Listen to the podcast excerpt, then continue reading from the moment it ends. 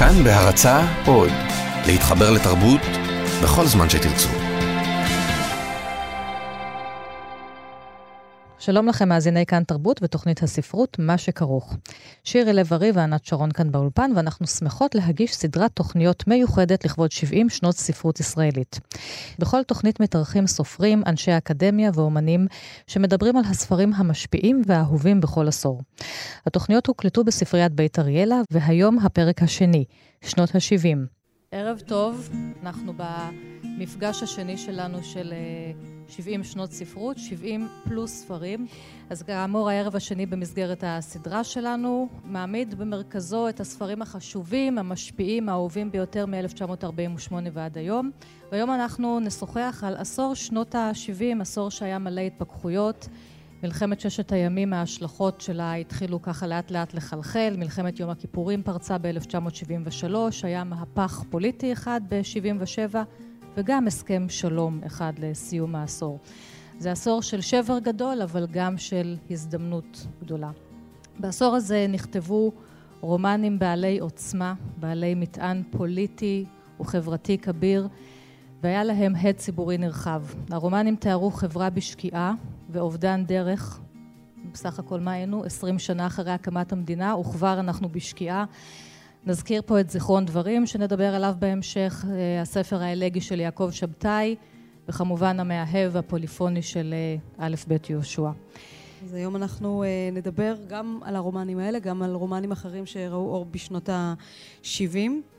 ונתבונן גם ביחסי הגומלין בין השירה והפרוזה, כי גם השירה הישראלית כבר אז הייתה בשיא בשלוטה אחרי הפריצות הגדולות של לקראת ועכשיו, אז ככה בטח יש גם קשר, זיקה מסוימת בין השירה והפרוזה, ואנחנו נהלך כאן ככה בין זיכרונות, שברים ומהפך אחד. איתנו הסופר א' ב' יהושע, פרופסור ניסים קלדרון, המוזיקאי ערן צור. אולי נפתח איתך ערן. עם אבות ישורון. אבות ישורון, השיר נקרא אני חולם לך. אני חולם לך על הנער שהיה לך, היה לך, ואיננו יותר הנער. אני חולם לך, אני חולם לך, אני חולם לך. ואיננו, איננו יותר הנער. אני חולם לך על הנער שהיה לך, היה לך, ואיננו יותר הנער. אני חולם לך, אני חולם לך, אני חולם לך, ואיננו, איננו יותר הנער. חפשיהו בין ידית הדלת ליד הפותחת.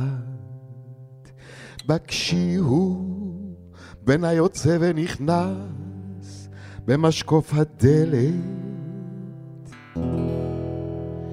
בקשיהו בפנים, בקשיהו בחוץ, בדוק על הבוידם, עלה על הגג. חפשוהו במרתף. בקשו על הרצפה, חפשו על התקרה, מתחת לקרשים, הללי, הללי, הללי, הללי, הללי, הללי. אני חולם לך על הנער שהיה לך היה לך, ואיננו יותר הנער. אני חולם לך, אני חולם לך, אני חולם לך, ואיננו, איננו יותר הנער. חפשו במרתף, בקשו על הרצפה, חפשו על התקרה, מתחת לקרשים, הללי, הללי, הללי, הללי, הללי, הללי, הללי, הללי, הללי, הללי, הללי, הללי, הללי, הללי,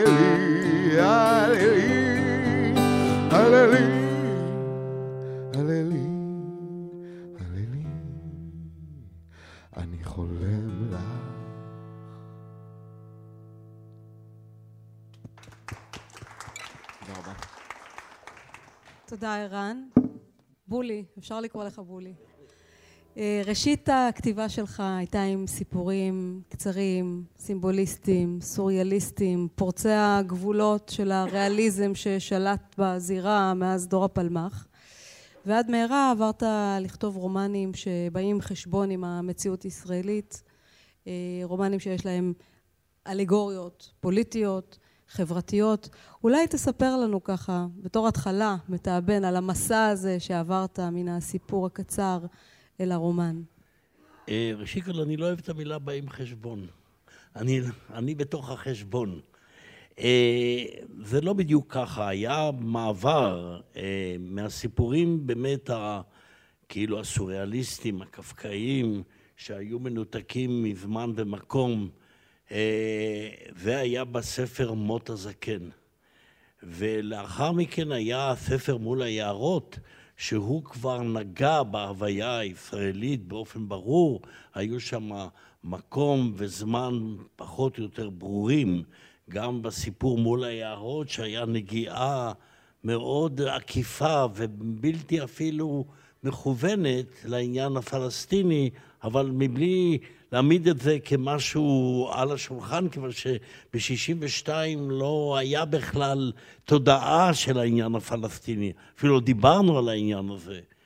וכמובן סיפור כמו שתיקה הולך נמשכת של משורר, או שלושה ימים וילד, שהיו סיפורים ישראלים שהיה בהם אותו אבק אה, אה, קצת מופשט וקצת סוריאליסטי מהסיפורים הקודמים, אבל הם היו פחות או יותר מיוחסים למציאות הישראלית. את ספר הסיפורים הזה גמרתי ב-67. כתבתי מאוד לאט, הייתי כותב סיפור אחד בשנה, ממש, באיטיות עצומה. ואני תמיד אה, נותן שבח לעצמי שלא התחלתי ברומן. ואני תמיד אומר לסופרים הצעירים, תכתבו סיפורים, אלא שכולם רוצים לעשות רומנים, כיוון שהם חושבים שרומנים זה מכיר יותר. אבל לכתוב סיפור אתה עובד עם הפרוזה אחרת, אתה עובד עם הלשון אחרת מאשר עם רומן.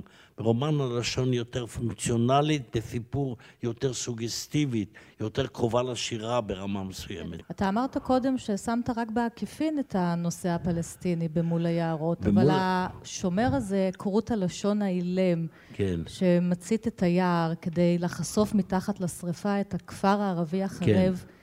זה נראה לי על השולחן, זה לא נראה לי משהו, כמו שזו פרשנות, כפרשנות מאוחרת. זה בכלל, בציבוריות הישראלית, הסיפור הזה בכלל לא התקבל כמשהו פוליטי. גם לא היה העניין הזה. באותה חוברת של קשת, כאשר התפרסם הסיפור הזה, התפרסם על ידו הסיפור שתיקת הכפרים של סמך יזהר. על העניין של מלחמת השחרור ומה שהם קוראים הנכבה, לא היה ואין עד עכשיו שום התייחסות ממשית של הספרות העברית. למעט דור הפלמ"ח שאנחנו מדברים עליו. כן, אני לא מדבר על הדור שהיה בזה, ועשה את זה, ואחר כך... סמך יזהר. סמך יזהר רק בסיפור אחד. ימי ציקלג לא קשור בכלל לבעיה כן. הפלסטינית. וכתבו אז, אבל לא בעיקר סיפורי מלחמה, מלחמת השחרור. כן. והמדהים הוא... אתה כבר מספר את זה בצורה המדהים... אזרחית, לא מלחמתית, בצורה אזרחית. הנה, הכפר שאיננו. כן, אבל זה קשור למלחמה. כן. זה קשור למלחמה. אבל המעניין הוא, זה לא שאלה שלי, המעניין הוא שמאז מלחמת השחרור, 70 שנה, חוץ מהדור שהתייחס לזה כחוויה מתוך חייו, ואחר מכן זנח אותה, אין שום רומן ישראלי רציני או שמתעסק במלחמת השחרור שארכה במשך שנה וחצי, שהפכה את כל הארץ הזאת, שהיו בה ששת אלפים הרוגים, שהיה בה מהפך עם כל העניין הפלסטיני, ושהפלסטינים לא מרפים ממנה עד עצם היום הזה.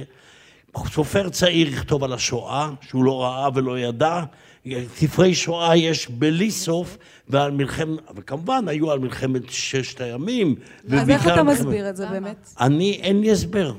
אני אומר, אני, אין לי הסבר, אני שאלתי את גדולי המומחים. עכשיו אמרתי לד... לניסים, וניסים אמר שהוא ייתן לי הסבר, אבל זה, זה מדהים. אני, אני אפילו, שהייתי ילד במצור על ירושלים, לא עלה על דעתי לכתוב משהו על מלחמת העצמאות שהייתה כל כך משמעותית לאחרים. אז מה, רצון להדחיק את הטראומה, ניסים? הרי טראומה הייתה גם ב-73, ואחר כך ב-82, ולזה יש שיקוף. אני אגיד לך, אני לא מאמין בהסברים בספרות, אני מאמין במחשבות. מחשבות יש לי. לי ברור שלמחרת מלחמת העצמאות, העמדה הבסיסית של הסופרים ושל האינטליגנציה הישראלית בכלל, אגב, גם הציירים, גם המחזאים, הייתה לברוח מבעיות ישראליות בכלל. המצב של, איך כתב נתן זך, אני אזרח העולם. הספרים שאני קורא הגיעו דרך הים. הדבר הזה של אני יוצר גלובלי. אני כל כך הייתי טעון במתח של הקמת המדינה. זה היה כל כך קשה, כל כך תובעני, שהייתה, זה לא מקרה שגם הספר הראשון של בולי היה כולו דברים מופשטים. רצית להתחבר לקפקא, רצית להתחבר לבקט, רצית להגיד די, אני לא צריך לחיות בין חדרה לבין גדרה. אני יכול להתחבר אל מגמות בעולם. הצורך הזה היה מאוד מאוד חזק. ואז, אני, הנושא של הערב הזה הוא שנות ה-70 לדעתי, בגדול שנות ה-70 הם שנות החזרה אל הישראליות. אבל החזרה אל הישראליות, כמו שאמרתם בפתיחה, דרך הי... השבר. הייתה מלווה במשבר. אלה היו, זאת, אלה השנים של מלחמת ששת, ש, יום הכיפורים. לא, מלחמת ששת הימים. כן, ששת הימים וההשלכות שלה לדעתי, התוצאות של ששת הימים ניכרו הכי הרבה ב-73.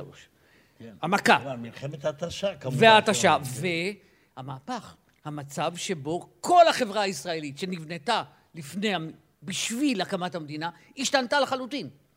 לאור זה, כאשר חזרו אל הישראליות, חזרו אל הישראליות המוכת, השבורה, ולא חוזרים אל מלחמת העצמאות. זה נשאר חור שחור. זה לא הסבר.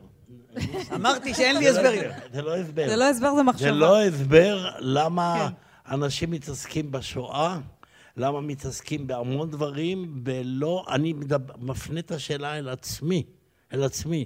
במרמני לקחתי חמש תקופות, ממלחמת לבנון דילגתי לש... לכרתים לשואה. ולא עצרת ב-48. לא עצרתי ולא עצרו אחרים. אבל, אבל רגע, נעשה הפסקה, והכנו לך הפתעה קטנה מארכיון. אה, קטע משיחה שלך עם אה, אהוד מנור בערוץ הראשון, על הכתיבה. וכאן, בחלון הזה, שאתה רואה כאן, עמד שולחן הכתיבה שלי, וממנו התחלתי לכתוב את הסיפורים הראשונים שלי. וכאשר הייתי נתקע במילה, והייתי כותב אולי אה, סיפור בחצי שנה, סיפור אחד, ומשפט ביום, או חצי משפט ביום, והייתי כל הזמן ממשמש את המילים ונתקע בהם. אז הייתי עוזב את הבית והולך כאן להר הגדול הזה, איפה שנמצא התיאטרון, ואיפה שנמצא עכשיו ון ליר וכולי, ושם היה איזה עץ זית. והייתי עומד מול עץ הזית ומנסה בדיאלוג עם עץ הזית להוציא ממנו את המילה הנכונה. זה היה בעצם הפעם הראשונה שהכרתי בכוחן של המילים, והייתי צריך להוציא מן המילים לא רק את המשמעות שלהם, אלא גם את הריח שלהם, את הסוגסיה שלהם. אני רציתי לומר שאם השאלה נשארת חידה, ואני שאלתי המון אנשים, לא ידעו להסביר מדוע לא מתעסקים מלחמת השחרור, ואני יודע, אני חושב את הסיבה, יש בעיה של אשמה. מפחדים להתעסק שם על כל העניין הזה. יש איזה פחד להתעסק בכל העניין הזה של הפליטות וכל מה שקרה שם. לא מתעסקים בזה. אני יודע שאני לא מתעסק בזה, וזה מוזר לי, זה מוזר לי. אבל בשנות ה-70 מה שהתחיל זה המרכז הסמכותי, שממנו דיבר הגיבור, או דיבר המספר בשם הגיבור, או ב... המרכז הזה כבר כאילו הכל- לא עמד עוד יודע, בביטחון מתפרק. שלו. הוא לא עמד בביטחון שלו. ויותר ויותר ראיתי את החברה, היום מדברים על הפיצוליות הגדולה, על ארבע שבטים, ויש לא ארבע שבטים, אלא יש עשרה שבטים. אבל הנה זה התחיל. בספרות קודם, אתה אומר. אבל זה היה הרגשה שכדי לבטא את הספרות הישראל... את המציאות הישראלית, צריכים להיות כמה קולות. זה לא הקול הסמכותי שהיה מקודם. אז נשמע אותך ובאמת קורא. זה גם מצביע על פיצול נרטיבים, כי כן, כבר כן. אז זה כל הפך אחד יש להיות, את כן. הנרטיב שלו. כן, וזה התחיל, בעיקר, הסימן הזה התחיל ב- בתחילת קיץ 1970. שלך, נשמע סיפור. שלי שכתבתי אותו באמת בתחילת קיץ 1970, שבו מורה זקן מודיעים לו על אה, מות בנו, והוא מתחיל לבדוק שוב פעם את היום הזה בשלוש פעמים, איך, האם אמרו לו שזו הייתה המצאה שלו. כלומר, לא עוד הסמכות הברורה של סיפור שזורם תחת הסמכות שלו, אלא סיפור מפוצל. מזה זה הגיע למאהב ולגרושים מאוחרים ולמרמני, כלומר העובדה שיש כמה קולות והם לגיטימיים כולם, והגיבור, ששואלים אותי מי הגיבור במאהב, אני אומר, החלל שנתפס בין הגיבורים. זה הגיבור. אני אקרא רק את ה... הלא מודיעים לו בבוקר שה... שבנו נהרג, למורה לתנ"ך, מודיעים לו שהוא...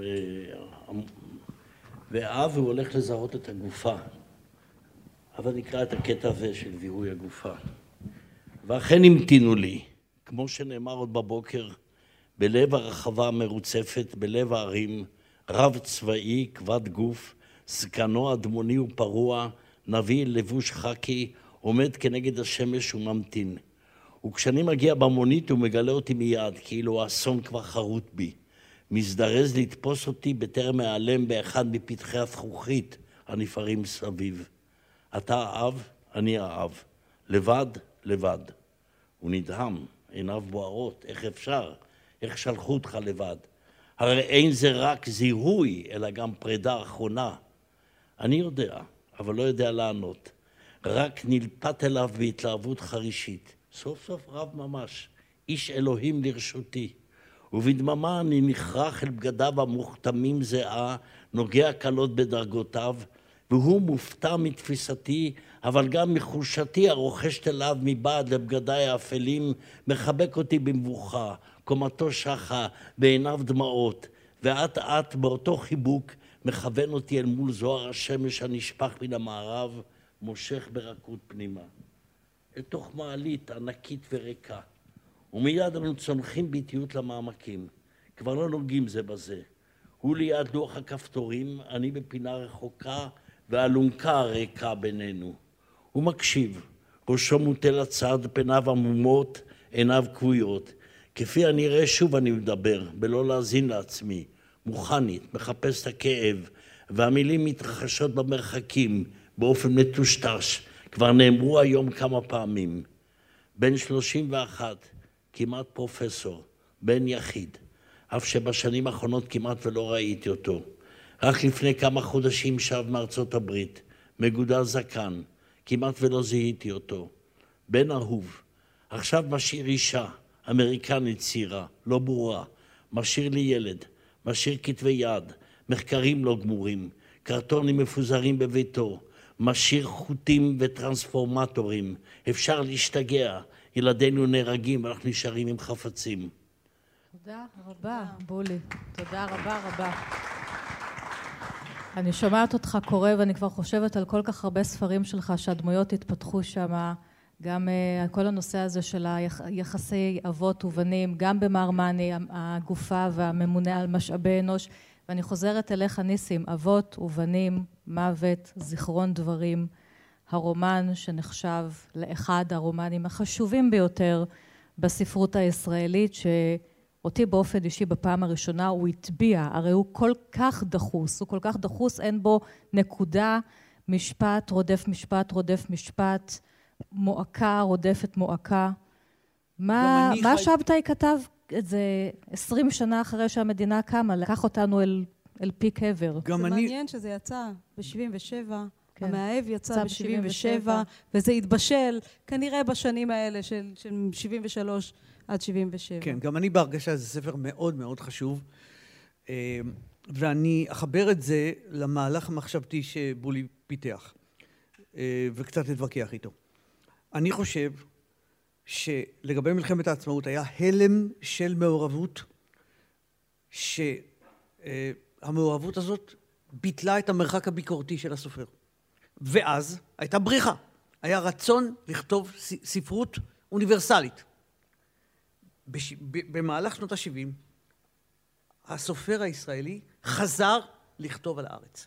חזר לכתוב על התרבות הישראלית, והוא חזר במצב משברי. וכשהמצב הוא משברי, הוא גם ביקורתי. עכשיו, לדעתי, לא כותבים על מלחמת העצמאות, כיוון זאת הייתה מלחמה של אין ברירה. זאת לא מלחמה שיזמנו, זאת מלחמה של הצלה של אין ברירה. במלחמת אין ברירה, זאת לא יוזמה שלך.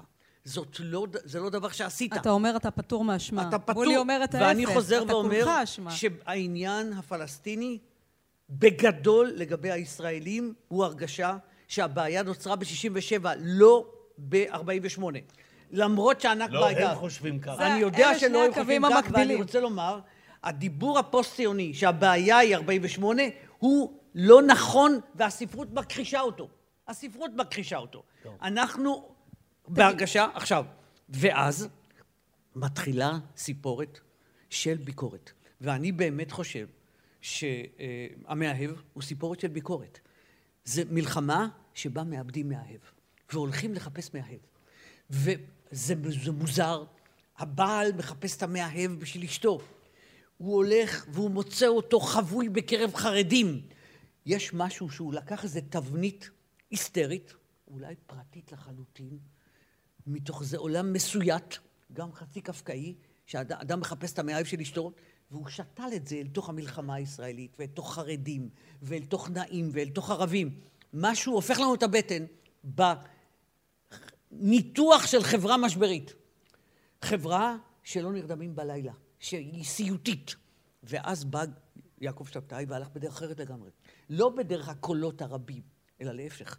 יש איזה קול אחד שהוא מעין קול כמו של המתים. הוא מתחיל היום, הוא קופץ עשרים שנה אחורה, הוא מזנק שלושים שנה קדימה בדחיסות. את צודקת. אין פרקים, הכל דחוס, ובדחיסות הזאת הוא אומר לנו בעצם, בחשבון שאנחנו עושים, ואגב, גם בחשבון הזה אין מלחמת העצמאות. גם בזיכרון דברים אין. וזה לא בגלל רגשות אשמה, אלא שהוא בדק מה עשינו מיוזמתנו. ותכף אני מקווה שערן יקרא קטע, שבו הביקורת היא עמוקה מאוד על מה שעשינו. אבל מה שהוא בעצם עושה, הוא מבלבל את הזמנים. זה רומן בלי זמן. עכשיו, עצם ההגדרה של רומן זה סיפור בזמן. משהו קורה ומשתנה בזמן. ברגע שזיכרון הדברים שלו אומר, אנחנו לא יודעים מה היה בעבר, מה בהווה, מה בעתיד, מתי מישהו מתאבד, מתי מישהו רצה להתאבד לפני 40 שנה, מה יקרה? אנחנו מאבדים את תחושת הזמן. והוא אומר, האובדן הקשה ביותר של התרבות הישראלית זה אובדן ההיסטוריה. אנחנו היינו יוצרי היסטוריה. אביו של גולדמן היה יוצר היסטוריה. גולדמן הוא נמושה שלא יכולה לעשות היסטוריה, לא משתמשת בזמן. יש פה ביקורת חמורה מאוד על התרבות... כל זה תוצאה של מה? תוצאה של הבנה של לחזור, של סופר שחוזר אל תרבותו. מההפלגה אל תרבות אוניברסלית, חוזר אליה באופן ביקורתי ומוצא כלי ספרותי איך לחזור אליה ביקורתי. בולי מצא את הכלי של הקולות הרבים, שבתאי מצא את הכלי של ערבוב הזמנים. והוא גם מדבר על השקיעה של מפא"י. אין ספק. שנייה לפני המהפך. אין ספק. אני אשמח אם ערן יקרא קטע כדי גם להמחיש מה זה שקיעה של מפא"י. תנועת העבודה, בוא נגיד תנועת העבודה. כן, זה היה מפא"י בעיקר.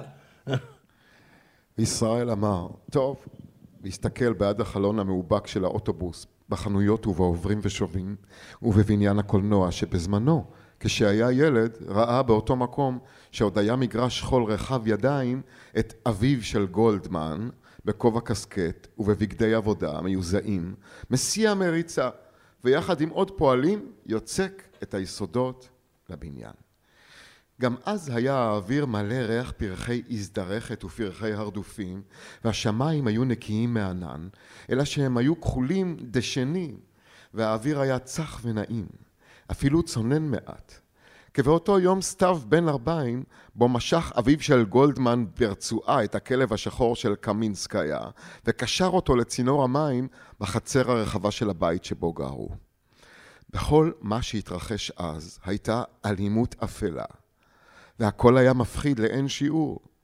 ובאוויר הרפה הייתה רגיעה ענוגה קטיפתית, והציפורים, שעשו להם קינים בין ענפי ההזדרכת והברושים והירקנדה ובין ענפי הפיקוס הענקי והשלהב שכבר התחיל להשאיר את עליו ואת פרחיו האדומים ובסעיפי צינורות המים בסתר הבוגונביליה צייצו מלוא גרונם כאילו היה להם יום חג ומילאו את חלל החצר ברעש עליז.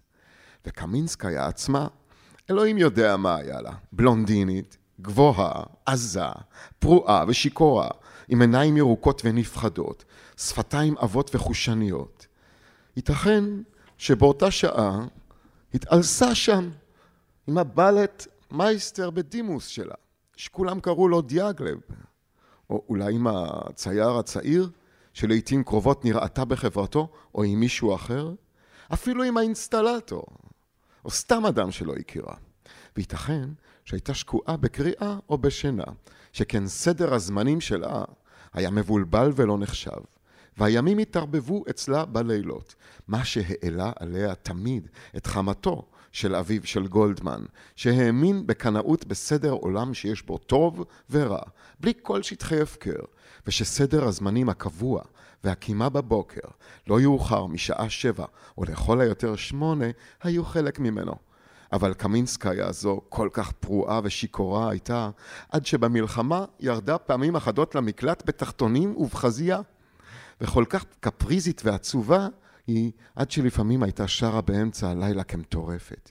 כאילו ביקשה לקרוע את החושך לגזרים, ולהגיע על גבי הכיסופים המיוסרים שהיו בה, והיו במילים ובנעימות הרוסיות, ושהיא נתנה להם פורקן בשירתה, למקומות שמעבר לכיפת השמיים. בסך הכל הייתה עובדת דרך וחסרת ישע, במידה כזאת שלפעמים חיפשה לעצמה הצלה אפילו ברוע לב או בשקרים ובגסות. אבל אביו של גולדמן סירב לסלוח לה, והוא שנא אותה, ואת הליכותיה, ואת השירים ששרה, ואת הבגדים שלבשה, ואת הכלב השחור שלה, שקמינסקיה קראה לו נוי סומברה, אשר עמד בשקט, קשור לצינור המים, והסתכל באביו של גולדמן, שפניו היו חברות כסיד ומתוחות, מרוב בהלה ומרוב רוע. נוי סומרה אפילו קשקש בזנבו, שהרי הוא לא יכול היה לנחש שאביו של גולדמן יהרוג אותו בעוד שניות מעטות. אבל אביו של גולדמן התקרב אליו ולפתע שלף מתוך חולצתו פטיש בנאים, והיכה במהירות בחמת זעם בראשו, ונוי סומברה השמיע נאקה משונה והתנודד. ואביו של גולדמן צעק בכל כוחותיו, שימות, שימות, הוא צריך למות. והמשיך להכות בו כמטורף עד שהכלב קרס ארצה, ראשו מרוטש ומרוסק, הוא פרקס עוד מעט, משמיע חרחורים נחלשים, אחר כך שכב בלי נוע. והאדמה, ועלי הלנטנה וההיביסקוס, שעוד עמדו בפריחתם, וצינור המים וקיר הבית, היו מרובבים ברסיסי דם ובחתיכות מוח, שנשארו שם עד שירדו הגשמים הראשונים, ושטפו אותם. ערן, תודה רבה. אתה שמת את הנקודה. ניסים, הרומן הזה הוא גם רומן מאוד עירוני, מאוד נכון. תל אביבי. נכון. עכשיו הלכנו טיפונת החוצה, וראינו איזשהו צבר ואיזשהו כפר ערבי, וראינו איזשהו שוליים. של העיר, איפה שזורקים את הכלב ואת הפרדסים, זה כמובן כבר לא קיים יותר. כי בולי, אתה משוטט לך בכל העולם עם הגיבורים שלך. אין מדינה, אין אה, מרחב שאתה לא נמצא בו. הם, מסע, הם, מסע אל... גיחות וחזרה, ובסך הכל גיחות. אין לי רומן שמתרחש חוץ מכמובן מסע אל תום האלף, הרומן של ימי הביניים, שהמסלול שלו הוא מטנג'יר עד, אה, עד היער השחור בגרמניה, אבל כל הרומנים זה נסיעה וחזרה. המסעות האלה, שכמו שאתה אומר, פירקתי את הקול המרכזי, אז לצורך העניין אולי גם הקרקע, איזושהי יציבות מתפרקת וכל הזמן יש לא, תנועה. לא, זה לא שיש יציבות מתפרקת, זה שאני לא חושב שבמובן הזה יש איזשהו שבר, אלא פשוט אתה מגלה קולות אחרים שלא היו. אני זוכר, אני כתבתי את המאהב, כן, והתחלתי. והתחלתי עם, עם המונולוג דווקא של גבריאל. זה היה המונולוג היחידי. שהיה לי. ואחר כך נסענו לאוקספורד לשנה שבתון. והיו שם גם כמובן אדם ואשתו וה, והילדה דפי. והיה חסר לי מישהו, והיה חסר לי מישהו. ואני, אני זוכר אותי הולך בספרייה הבודליאנית באוקספורד. זה המקום הכי עתיק, הכי מימי הביניים, עם אנשים שיושבים על כרכים בלטינית כל כך גדולים וכולי. ואמרתי, איפה אני צריך עוד קול? ואז בא קול של נעים, של הילד הערבי, הישראלי הערבי. שבא לעבוד כנער במוסך של אדם. ובבת אחת, כמו תקיעת חצוצרה, הוא פתח לי את כל הרומן, הוא אפשר לי את כל הדינמיקה, הקול הזה הפך להיות, זה לא קול של פלסטיני מוכה, זה קול של נער שבא מכפר ערבי, אבל מיד כל הרומן קיבל את הצורה שלו בששת הדמויות שמדברות. תראה, אתה תמיד לש את החומרים של המשפחה. כאילו דרך התא המשפחתי אתה יכול להבין איך עובד המנגנון של היחיד, איך עובד, את המנגנון, ש... איך עובד המנגנון של החברה, ואתה פה לוקח משפחה, מה שנקרא, במצוקה, במצוקה רבה, והדבר הזה שמכרסם, אתה אומר שמצאת את הדמות של נעים שפתחה לך בעצם את כל ה... את, את כל הרומן, הכתיבה, את הדינמיקה של כל הרומן, כן. ניסים קודם דיבר על התחושה הזאת שמשהו כל הזמן מכרסם שם. אה, הולך לקראת איזה... אה, אבדון. מה אני... יש בספר הזה שהוא... אני מרגישה שיש בו איזה כמוסה, הוא מכיל איזה סוד, הוא מכיל איזה משהו, כי זה, הוא הופך קרביים גם היום. כשמדברים עליו. אני, אני, אני לא יודע, אתם כל היום דוחפים ככה למצוקה, לאבדון, זה ממש זה, אני אומר לכם, אתם טועים, לכן גם הקהל הגדול לא שומע את זה. הוא שומע צלילים אחרים, הוא שומע בכלל לא אבדון ולא זה, ויש קטעים מצחיקים, וזה דברים שנקראים בהרבה מדינות. יש כמובן המלחמה, הקונפליקט, אבל בסופו של דבר, והחרדים שיצאו שם, זה היה באמת גאונות למצוא את החרדים, שאז היו רק אפיזודה, אפיזודה, אני זוכר שקנז סיפר לו, סיפר לנו שאימא שלו אמרה, שראתה את, אמרה לו, תסתכל טוב על החרדים, עוד מעט לא, לא תראה אותם, הם ייעלמו. עכשיו החרדים מסתכלים על החילונים, אומרים, תסתכלו על החילונים, עוד מעט הם לא יהיו כאן בכל זה. ניסים, אולי נלך אליך, כי פתח פתחנו עם אבות ישורון, ורצינו לעשות חתך בעשור, ה... לא נגיד יותר מצוקה ואובדן. לא יותר. כן, בעשור הפחות אופטימי, בשנות ה-70, רצינו לעשות לחתוך בו דרך השירה, דרך אבות ישורון, דרך יונה וולך, דרך מאיר ויזלטיר. כן. איך הם השפיעו על הפרוזה? הם מאוד השפיעו, לדעתי הם מאוד השפיעו. אה, אני חושב שצריך לראות, אנחנו עוסקים פה ברומן, אבל מה שיש מסביב. אה, אנחנו, אני באותה תקופה הייתי בסימן קריאה והיה לנו דרמה ספרותית. כתב העת סימן קריאה. הייתי אחד מהאורחים יחד עם מנחם פרי והייתה דרמה ספרותית גדולה ולשירה היה תפקיד מאוד חשוב. אה, אני חושב למשל, התחלנו עם אבות ישורון. השיר הזה שערן קרא קודם, שבו אבות ישורון מדבר כמו הילד שחולם את אמו שחסר לילד. הוא עזב את אמו. אמו נשארה שם. והוא חולם על אמו שחסר לילד ולא יהיה לה, לעולם לא תמצא. הוא, הוא כאן. אבות ישורון היה דמות מרכזית, היינו פותחים את החוברות איתו. למה? הוא לקח תרבות סגורה. אלתרמן סגר באיזה הרמוניות את העולם שלו, את המוזיקליות שלו, וגם את התרבות הישראלית. בא אבות ישורון ואמר, אבל הגברת, הילדים ישנים, יש להם אקזמה, עשרה מכות קיבלנו. פתאום סלנג, פתאום עברית ויידיש וערבית. לפתוח, בולי אמר קרעים, את כל הקרעים. קולות, פוליפוניות. כל, כל הקולות, כל הקרעים. לא, פרימה ממש ברמה של האות. הספר, של התיבה אולי אני, אני אקרא, הספר, אה, השבר הסורי האפריקני, מתחיל ככה. חכמים אומרים כי בעת התרחש השבר הסורי אפריקני שוכני המקומות לא היו מעודכנים. עסק איש במלאכתו בשחיזת גרזינים, בביקוע חיות. אנחנו בשבר סורי אפריקני. זה שבר ענק שחותך בשנות ה-70 את התרבות הישראלית. אגב, אני לא אומר אובדן, אני גם היום לא אומר אובדן. זה לא הסופרים הובילו אותנו לאובדן, או חשבו שאנחנו הולכים אל אובדן. הם הובילו אותנו אל ניתוח הצרות שגרמנו לעצמנו. האלימות שיצרנו, חוסר הסובלנות שיצרנו, הקשיחות של החברה הישראלית כלפי ריבוי הקולות והמורכבות שלה. למשל, הסגירות של הישראלי כלפי היהודי. אבות ישורון הזכיר לנו שיש יהודי מאחורי הישראלי, ושיש חשבון יהודי לפני החשבון הישראלי. גם בולי מזכיר. ויונה וולך מהצד השני פתחה לנו ואמרה, אם יש סקס אחר, הביאו ונדעהו, יש או אין. פתחה לנו פסיכולוגית את המנגנונים הנפשיים שלנו, ואמרה, בואו נפתח את הלב. זאת אומרת, יש סקס אחד לישראלי, סקס אחר ליהודי. יש סקס אחר, גם ליהודים יש הרבה מיני סקס. והפתיחות האלה, שהשירה לקחה בעוצמה רבה, היו נורא חשובות. אני רוצה להוסיף עוד מילה אחת. זה לא רק השירה, גם התרגומים. מלאכת התרגום בעברית תמיד ממלאה תפקיד חשוב. אגב, עד היום היקף התרגומים לעברית הוא אדיר. ולמשל, כל ריבוי הקולות של בולי היה באוויר פוקנר. היה באוויר מה שפוקנר לימד. כל הזמן ריבוי קולות, הקול והזעם הוא ספר שהוא בליבו ריבוי קולות. אחרי כן, אמרנו עירוב הזמנים של שבתאי, היה באוויר מאה שנים של בדידות. ומה שמרקס עושה גם כן, זה לקחת את ההיסטוריה ולערבל אותה ערבול זמנים.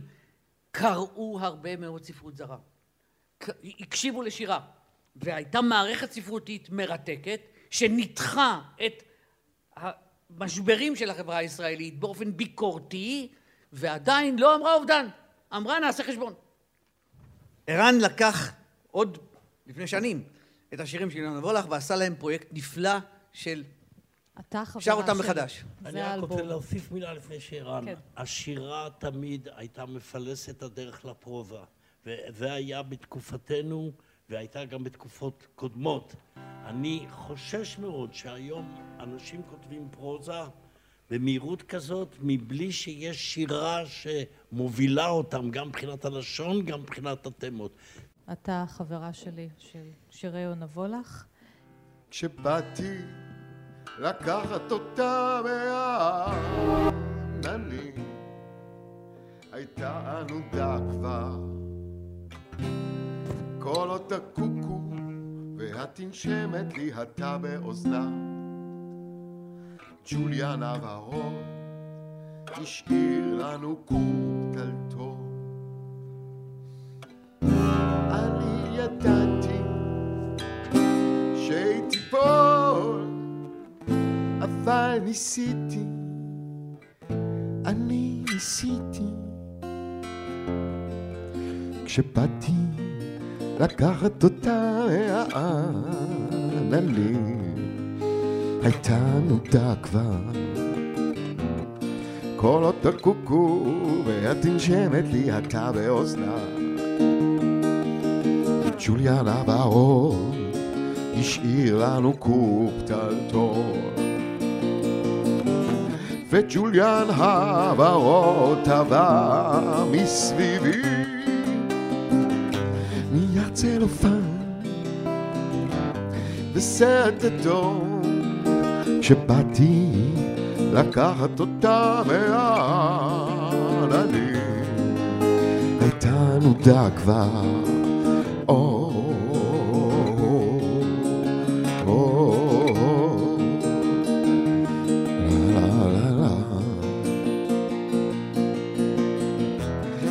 וג'וליאן הוורוד טבע מסביבי. ליד צלופן וסט אדום כשבאתי לקחת אותה מהעננים. הייתה נודה כבר כשבאתי לקחת אותה הייתה ענודה כבר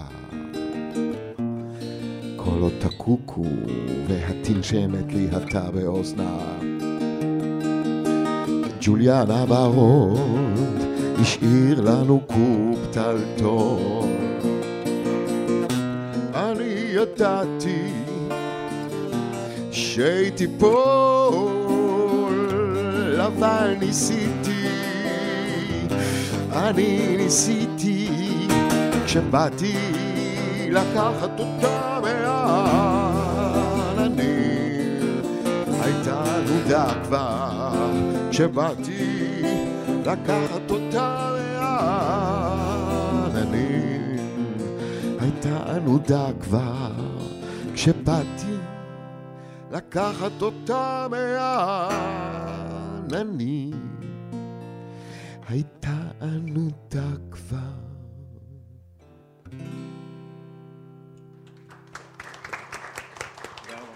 אנחנו קופצות עכשיו אל... אה, ש- 1990 מר מאני. שהתפרסם. כן, 1990. העלילה אה, יוצאת בעצם מזמן ההווה, מ-82, והולך אחו- אחורה בזמן, אל השושלת של משפחת מאני ואל הנדודים שלה, ואתה גם ערבבת זמנים. לא ערבבתי הזמנים. זמנים, אלא, הפוך, הלך הפוך, אלא אה. ניסיתי לעשות אה, אנליזה מהופכת, כן? כלומר, אני מסתכל על משפחה והולך במערכת הזמן מ... מאב, מבן לאב, לסב, לסב של הבן, לסב של הסב וכולי, ורואה איך הלא מודע, שאנחנו לא מודעים לו כבר, אנשים, יש להם, מכירים את הוריהם, כן? מכירים קצת את הסבים ואת הסבתות, אבל כבר מעבר לזה הם כבר, זה כבר באפלה. ואני ניסיתי להאיר את האפלה הזאת ולהראות איך דבר שעובד מדורות קודמים עובד עלייך עדיין עכשיו בצורה כזאת או אחרת את נמצאת באיזה דיאלוג עם סבתא של סבתא שאת לא מכירה ולא שמעת את שמה. וסביב זה כמובן גם העניין המזרחי שמאוד היה חשוב לי, שהמזרחי בן המקום, בן המקום, לא הבכיין, הבן המקום, שהוא נמצא כאן ושהוא עומד בצמתים של הציונות ומראה בכל צומת של הציונות דרך אחרת. לא כל הדרכים שוות, אבל כל אחד מציג דרך אחרת. זה היה מר מאני. אבל שוב פעם, הוא גם היה כבר פרי הפיצוליות הזאת, שבה כבר לא גיבור אחד מספר את הסיפור, גם לא סמכות של מספר אחד, יש כמה מספרים, כמה קולות, וזה מבחינה זאת מאפיין את הפיצוליות שלא תיארתי לעצמי שתהיה כל כך גדולה של ימינו אלה. אנחנו בעצם. נמצאים, אנחנו מאבדים את הסולידריות.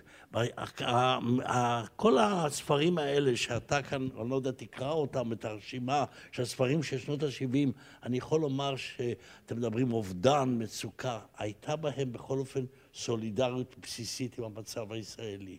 היום הסולידריות הזאת הולכת ונמוגה. כשאתה מסתכל על הספרות הישראלית שנכתבת היום, מה אתה רואה? אני רואה שכל שפע עצום של דבר שאני כבר לא יכול כבר לא להשתלט עליו ולהבין אותו. אני גם לא קורא את הכל. אבל זה כבר לא ספרות של אנשים שלמדו ספרות עברית באוניברסיטה. כלומר, זה לא אנשים שכמו נניח עמוס, או כנב, או מאיר שלו, בוודאי ינקלה שבתאי, ראו את עצמם קשורים לגנסין, לברנר, לעגנון, לעגנון, חיים באר. כולנו היינו באותה שלשלת. אתה חושב שהתנתקה? עכשיו אני חושב שאנשים כותבים מבלי שהם מרגישים שהם שייכים לשלשלת של הספרות העברית שהתחילה בסוף המאה אני ה-19. אומר משהו קיצוני יותר, אולי הרבה כותבים מבלי שהם קוראים בכלל. קודם צריך אני לעשות לא, הקרוא... זה אני לא אגיד, אני לא אני אגיד. אומרת את זה. אני בן 81, אני לא אסתכן נפשי. רגע, אני רוצה אבל לשאול אותך משהו, בולי. דיברת על פיצוליות, על הרב-קוליות. חמש שיחות יש אה, ברומן הזה במר מאני, מתחילות משיחה של בחורה צעירה, הגר שילה, וחוזרות אחורה. אנחנו הקוראים לא שומעים את הצד השני של השיחה, אנחנו כן. שומעים רק צד אחד, וכל הזמן השיחה כביכול קטועה, ואנחנו כל הזמן צריכים לעבוד איתך. אתה הופך אותי הפעם כקוראת גם לסופרת, אני כל הזמן צריכה להמציא מה הצד השני אומר. כן, אתה מעביד אותי. ואני רוצה לומר לך עשית, איך שכאשר... חשבת על זה? תספר לי, זה מעניין אותי, איך חשבת אני- ליצור את הדבר הזה? ניסיתי את זה במונולוג אחד בגירושים מאוחרים עם קלדרונים, כמו שאתה זוכר, כן, וראיתי שזה עובד. ואז אמרתי, למה שהקורא לא יעבוד גם כן? למה? רק אני אעבוד? שהוא יעבוד. ואמרו לי, הבהירו אותי, אמרו לי, הקוראים לא רוצים לעבוד, ואתה תתחיל לעשות. דיאלוג שאחד מבני השיח חסר. והנה מסתבר שכאשר אתה מבקש מהקורא לעבוד, אז הוא משקיע. וברגע שהוא משקיע הוא מתקשר אל הספר עמוק יותר דווקא בזמן שהוא צריך לעבוד. ולכן חשבתי שאולי את הספר האחרון שאני אכתוב יהיה גם בלי המשוחח הראשון ואשאיר את הכול. ושהקורא יעשה את העבודה לעצמו. וייתן לי את התמלוגים. לגבי המבנה המיוחד של מרמני, שגם כן, אני מעריך את מרמני כאחד הספרים ממש המכוננים נכון. של התרבות הישראלית.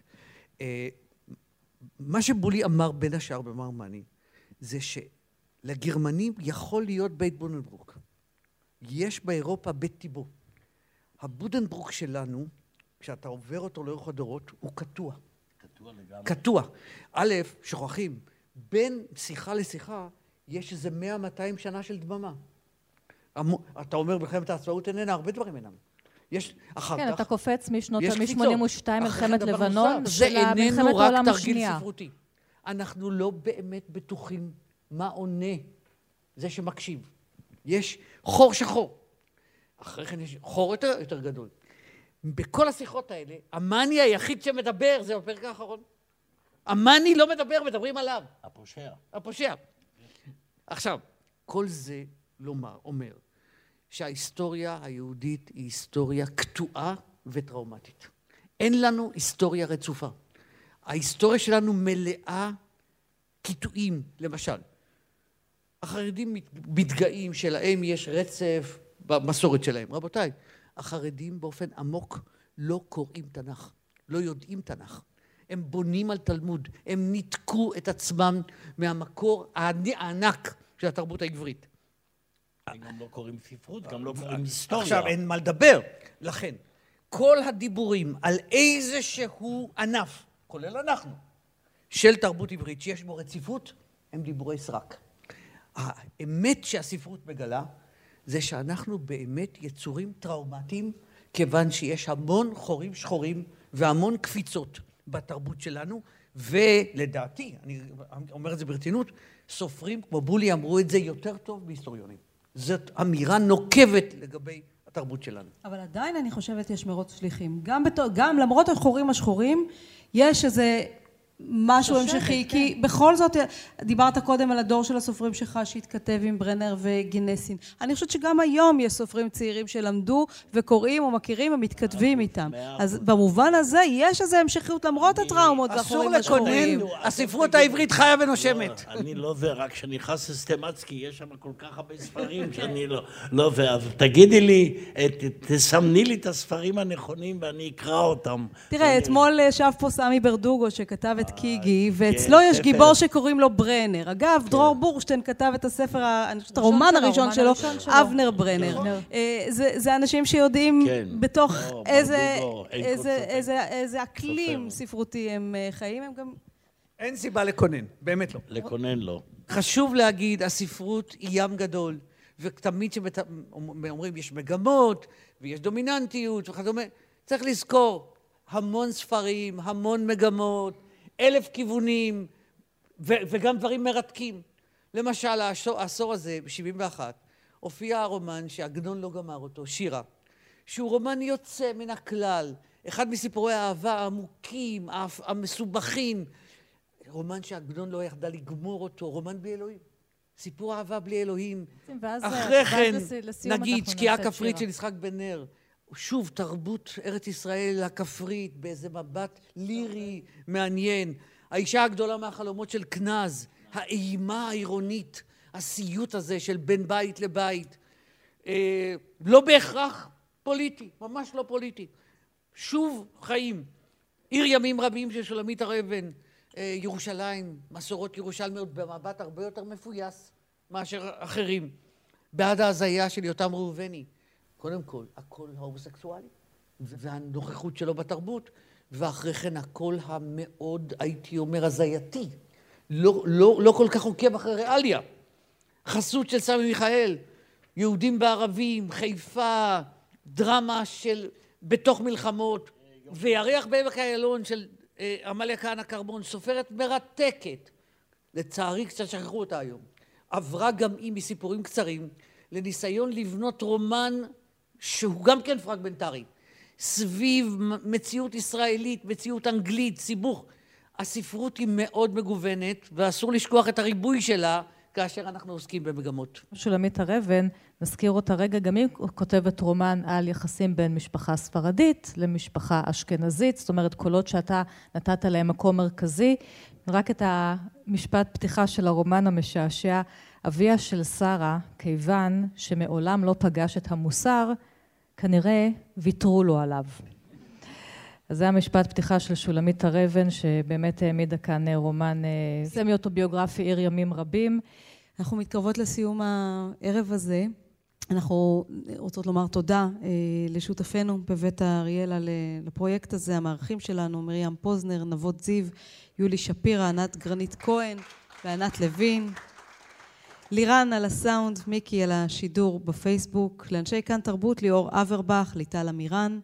ותודה לחברי הוועדה שבחרו ביחד איתנו את הספרים, הפרופסור אבנר הולצמן, דוקטור קציה אלון, דוקטור ארי גלסנר וענת לוין. תודה רבה לכם, א' ב' יהושע, ניסים קלדרון, ערן צור, תודה לכם שבאתם, ענת שרון בלייס. שירי לב-ארי, תודה רבה, ותודה גם לשחר. לשחר ולשמוליק. אנשים שעוזרים לנו כאן עם הצילום ועם הסאונד, תודה רבה גם לכם.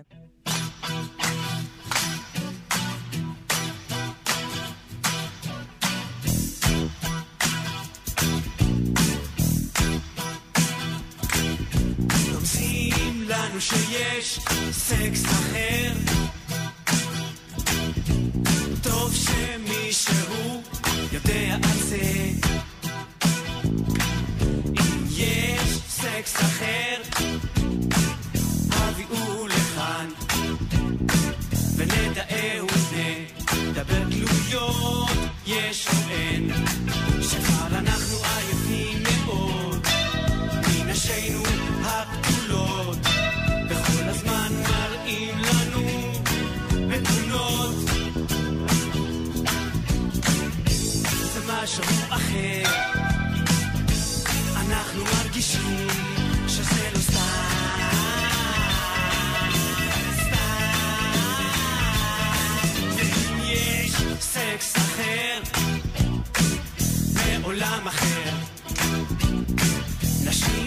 חדשות ויודעות, יודעות, יודעות, יודעות, יודעות, יודעות, יודעות, יודעות, למה לא? למה לא יביאו כמה ללמד את נשינו הגאות?